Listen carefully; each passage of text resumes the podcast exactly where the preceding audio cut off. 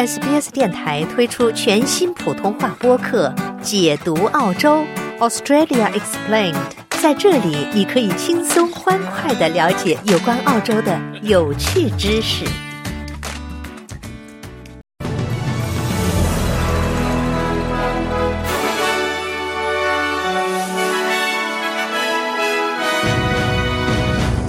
总理指责绿党阻碍帮助首次购房者进入房产市场的政策。澳航原定为期两天的罢工将延长至三天。今天维州或将出现极端天气。马拉松世界纪录保持者基普图姆因车祸去世。下面我们来了解详细内容。总理安东尼·阿尔巴尼斯指责绿党阻碍了帮助首次购房者进入房地产市场的政策。尽管绿党呼吁进行改革，但是阿尔巴尼斯政府重申不会提议对复扣税政策进行任何修改。绿党要求限制房地产投资者的税收折扣，以换取他们对政府的帮助购房计划的支持。该计划将于本周在议会进行辩论。复扣税政策允许投资者将资产损。损失抵扣收入，主要用于房地产投资。阿尔巴尼斯表示，帮助购房计划可以独立存在。我注意到绿党去年曾阻挠为公共住房提供资金，现在又想阻挠为支持租房者购房提供资金。他们就是这么说的，好吧？我给这位成员一个重要的提示，那就是它是独立存在的，并且有其优点。It stands on its own and on its merits. 政府面临着无法为其标志性住房政策获得支持的风险。工党的帮助购买住房计划将支持四万名澳大利亚人购买他们的第一套房子，政府出资高达百分之四十。政府计划今年实施该计划，但是绿党威胁称，除非工党取消复扣税优惠，否则绿党将放弃支持该计划。绿党议员马克思·钱德勒马瑟表示，是时候逐步取消复扣税了。What we've proposed is a phasing out of negative gearing and capital gains tax. 我们提出的是逐步取消复扣税和资本利得税优惠。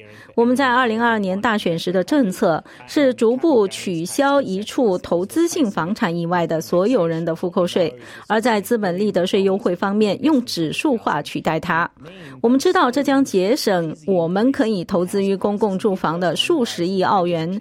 这意味着我们减缓了房价的疯狂上涨，并为首次。购房者和租房者提供了购买房产的机会，让他们可以继续生活。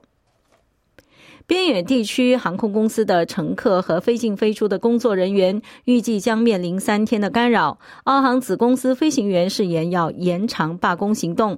澳大利亚飞行员联合会表示，其在西澳洲的 Network Aviation 和 QantasLink 工作的成员将于明天到周五罢工，因为工资谈判陷入僵局。高级工业官员克里斯·艾肯斯表示，飞行员们已经受够了，原定的为期两天的罢工将。延长到三天。技能和培训部长表示，如果澳大利亚要缩小技能差距，就必须扭转澳大利亚对大学教育而非职业培训的偏好。布伦丹·奥康纳对 TAFE 和其他职业培训机构是毕业后教育的最低、较低水平替代方案的观点提出了质疑。奥康纳先生在澳大利亚金融评论劳动力峰会上表示，未来每十个职业中有九个需要大学水平的培训，但是其中一半来自职业教育和培训领域。在议会，移民部长多次被质询政府处理或是移民拘留者的方式。去年，高等法院裁决无限期拘留移民为非法之后，被无限期拘留的移民获释。在获释的一百四十九人中，有三十六人被告知无需佩戴脚踝监控装置。文件显示，半数以上的人被判犯有攻击和暴力罪行，包括绑架和持械抢劫。关于获释被拘留者可能带来的犯罪。威胁，移民部长安德鲁·加尔斯表示，已经制定了保护澳大利亚民众的程序。A big part of that was setting up Operation ages to bring together 其中很重要的一部分就是设立运营机构，将全国各地的政府执法机构集中在一起。我们现在还有四层保护措施，包括严格的签证条件、电子监控、宵禁安排以及预防性安排。为了对其进行管理，我们成立了社区保护委员会，以便最有资格的人能够就如何维护社区安全的任何问题做出决定。Decide on the merits in any issue how to keep the community safe. 昆士兰州政府将出台禁止向未成年人出售刀具和仿真枪的法律，以应对该州持续存在的青少年犯罪问题。随着持刀犯罪的增加，昆州警察局要求获得更多的权利，以便在没有搜查令的情况下进行武器搜查。昆州警察局局长卡塔琳娜·卡罗尔敦促增加警方使用金属探测器进行搜查的权利，并对保释人员进行更多的脚踝监控。昆州州长史蒂文·迈尔斯表示，昆州政府打算尽快立法实施这些措施。All of these actions fit within our broader framework 所有这些行动都符合我们更广泛的预防、干预和必要拘留框架。如果我们能够阻止向年轻人出售武器，那么我们就阻止了一项犯罪；如果我们能够监督他们的保释情况，并阻止他们违反保释规定，那么我们就干预并制止了一项犯罪。但是在需要拘留的情况下，这些措施都不能取代拘留的作用。the role of detention where that is required. 一名新州男子在昆州北海岸涉嫌用用枪指着警察，随后被警方开枪击毙。昆士兰警方称，发生枪击事件时，警方正在麦凯以南约七十五公里处的小镇伊尔比尔比的一家汽车旅馆旁边开展有针对性的缉毒行动。警司格雷姆佩恩说，这名三十九岁的男子因多项罪行被通缉。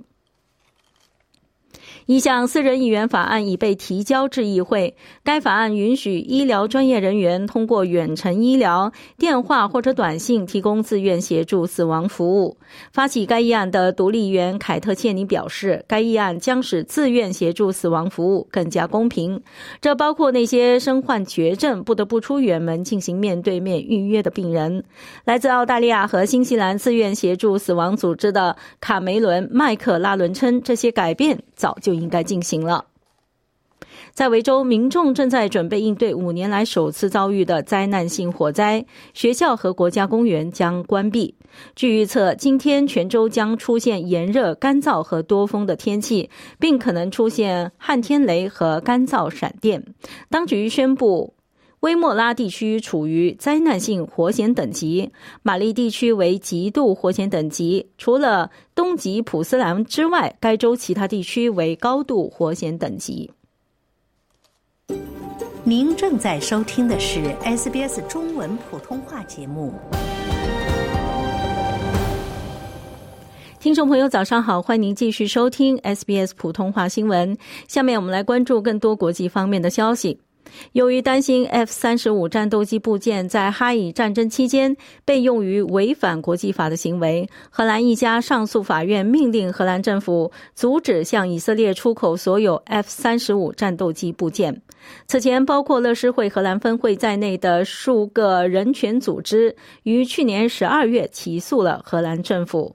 本周一，法院称荷兰政府必须在七天内执行命令，并驳回了政府律师提出的在向最高法法院上诉前暂停执行命令的请求。以色列国防部没有对荷兰法院的裁决发表评论。联合国近东巴勒斯坦难民救济和工程处主管表示，随着以色列准备对拉法地区进行地面进攻，欧盟必须在数周内恢复对该机构的资助。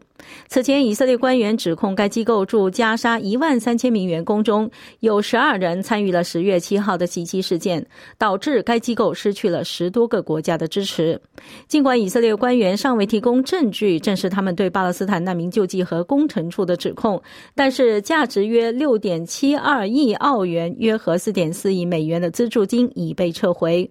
欧盟外交政策负责人何塞普·博雷尔指出，如果领导人担心有太多人会在冲突中丧生，那么他们必须重新评估是否向以色列提供武器。Everybody goes to Tel Aviv, begging, please. 每个人都去了特拉维夫，在祈求，请不要这样做，请保护平民，别杀那么多人。多少人才算多？标准是什么？但是内塔尼亚胡谁的话也不听，他们要撤离，撤到哪去？月球吗？他们要把这些人撤到哪里去？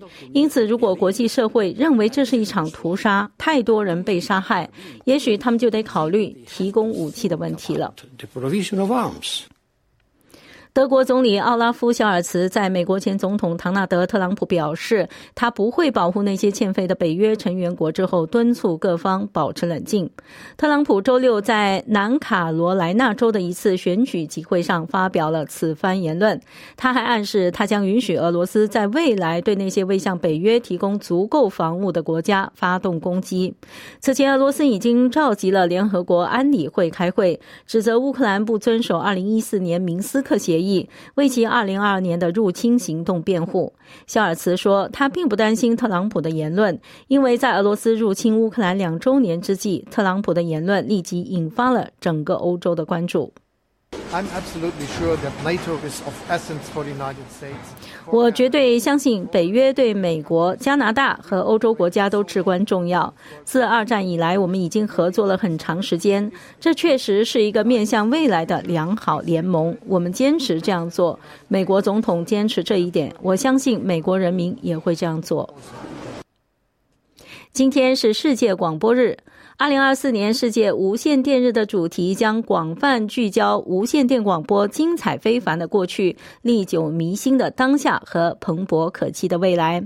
二零一一年，教科文组织会员国宣布，二月十三号是世界无线电日。二零一二年，联合国大会将这一天确定为联合国国际日。联合国表示，超过百年历史的无线电广播作为世界上最为可靠和使用最为广泛的媒体形式之一。正在开启其第二个世纪的服务历程。再来关注体育方面的消息。